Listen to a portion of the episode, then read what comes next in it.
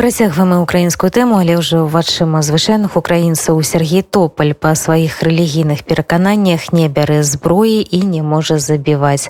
Але ж гэта не робіць яго меншым патрыётам і некарысным на вайне чалавекам, бо валанцёры таксама неабходны. А дапамагаць чым заўгодна апроч узброенага ўдзелу Сергей заўсёды гатовы.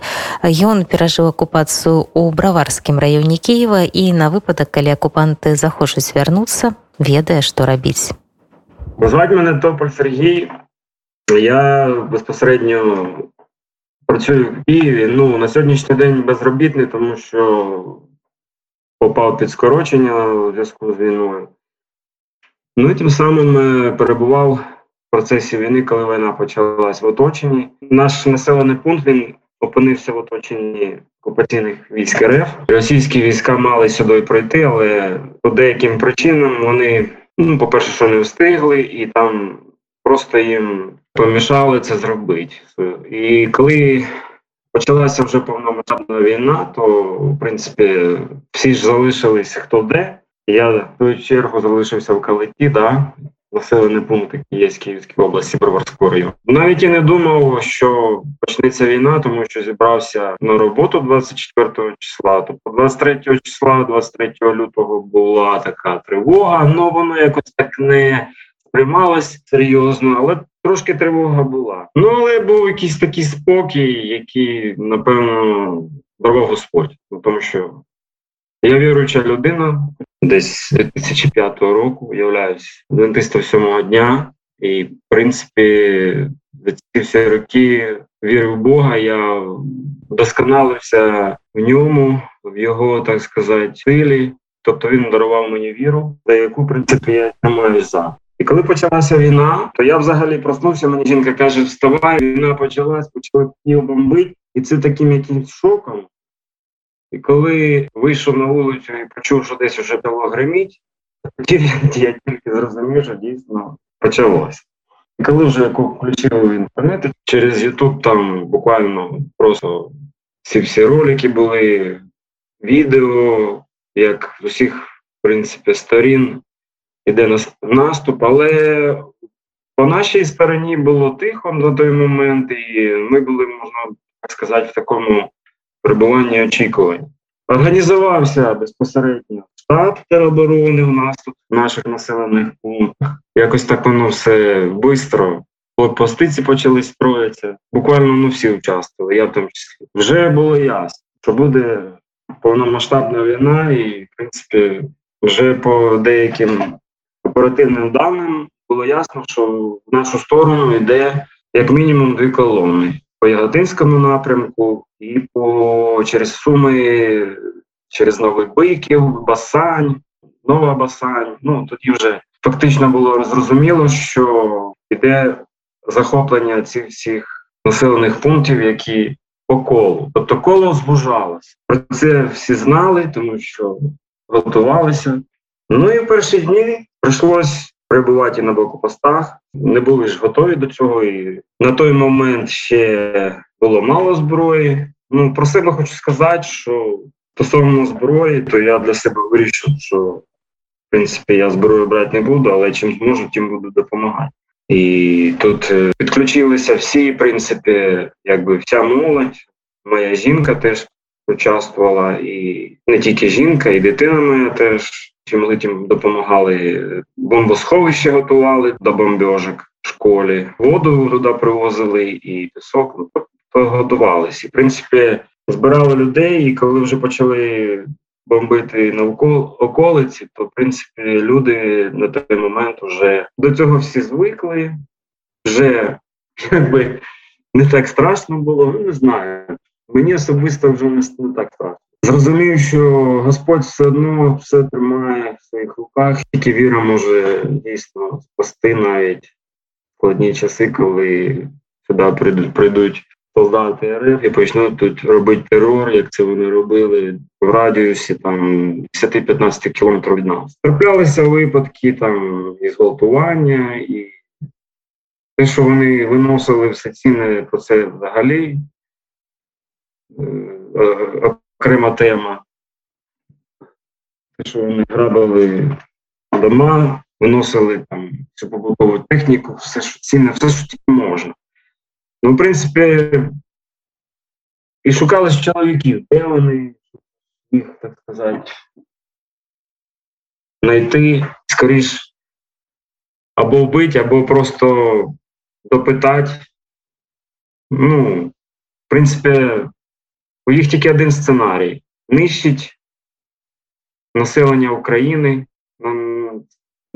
безпосередньо чоловіків, тому що вони думали, ці російські солдати, що ну, вони в принципі правильно думали, що для їх це пряма загроза, тому що коли їх почали ЗСУ періодично брати кільце і давати достойний отпор, то вони в свою чергу зовсім по-другому почали тоді відноситися до місцевих жителів. Тобто, як спочатку? Спочатку вони заїхали через Новобасан, проїхали. Там мені невідомо, що було, чесно кажучи. Потім вони заїхали в Бобровицю танком. Але там було теста місцевість, і вони там почали їздити туди-сюди, блудить, топитися в тих болотах, тому що місцевість вони то не знають. Коротше, довго вони там йорзались, возились, возились, але все ж таки якимось макаром, можливо, їх хтось там і наводчик якийсь був, вивели їх е, уже ближче до населеного пункту. Цього вони просто-напросто знаходились на тій стороні дуже довгий час, відтягувалася їхня техніка, їх там дуже багато було. Тому що перша колона, то так. Потім вона йшла йшла, і там я вже не знаю. По оперативним даним там то лі 250 одиниці, а може ще й більше. Ну і цей момент, е, коли вони вже туди підтягнулися, стоїть пару пушок і валять непроривно калібром 152. Наші хлопці, звісно, це їм треба дати довжно. Вони настільки це все майстерно робили, що просто ворог, ворогу вони реально не давали пощади, вони не давали їм можливості розслабитися. Свою чергу, коли це відбувалося, то вже на той момент було знищено багато техніки, і частина техніки пішла в обход. І дійшли вже вони до до села Димарка, Велика Димарка є таке. Ну і там, в принципі, оселилися і почали там масовий терор.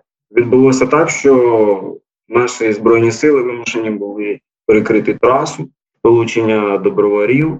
Ну і навігатор їх повів через полосу. Коротше, вони поїхали по лісопосадку, заблудилися і виїхали аж там за Привітним, є таке село. І там загрузли одної машини. Там через знайомих вийшли на мене. Я в свою чергу там приїхав, ледве їх знайшов, оказав їм допомогу, витягнули ту машину з того болота, а там і діти, і подростки. Тобто, ну, треба було допомогти.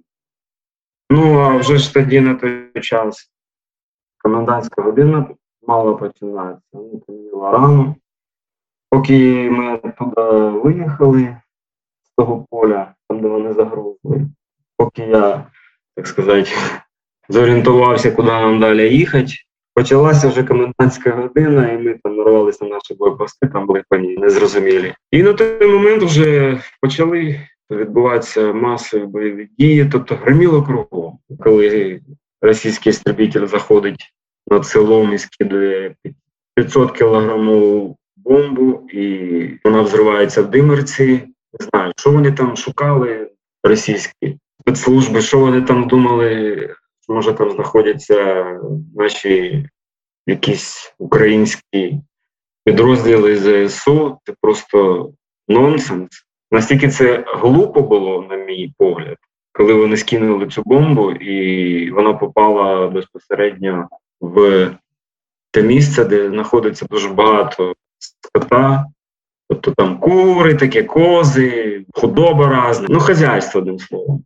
Тобто там у людей було велике хазяйство, та бомба як шарахнула, земля держала настільки, що було характерно чутно цей весь гуркіт, стали аж до газової труби, тобто відбувся витік газу, постраждала ця труба центральна. Ну і все, ми залишились без газу, в принципі, вже це було зрозуміло.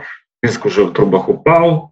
Ну то ладно, газ то таке, слава Богу, і електрика, плиту заніс, включив, їсти є на чому варити. Але так з Божою якось воно все так е, періодично то пропадало, то появлялося нормально, переживали цей момент. Ну і давали відсіч, так сказати, по всім сторонам. Тобто ці всі снаряди вони летіли, можна так сказати, в сторону броварів, ответку, і в сторону Заворич, Панасів є теж російські війська, вони навіть десь в якійсь мірі там навіть заходили аж під Опанасів. Ну і шукали, звідки стріляють.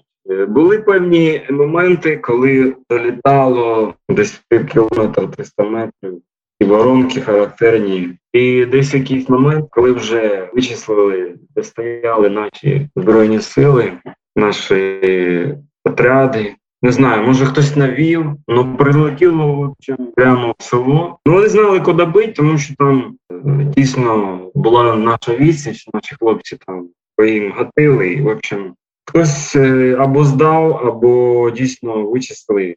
Ну да ладно, в принципі, слава Богу, всі живі остались, ніхто не постраждав. Ми на той момент розвозили харчі, коли вже приїхали ці пайки, там бусиками, розвозили там людям в основному в першу чергу одиноким. На той момент в Заворочі заходити не можна було. У нас е, штаб, який безпосередньо був в калиті, воно було все налагоджено і, в принципі, там участвували всі.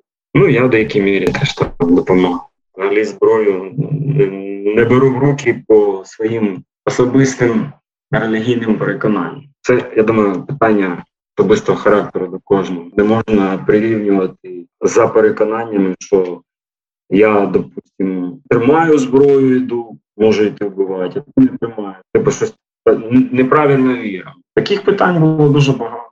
Я на це все спокійно реагую. Для мене це вже не, не,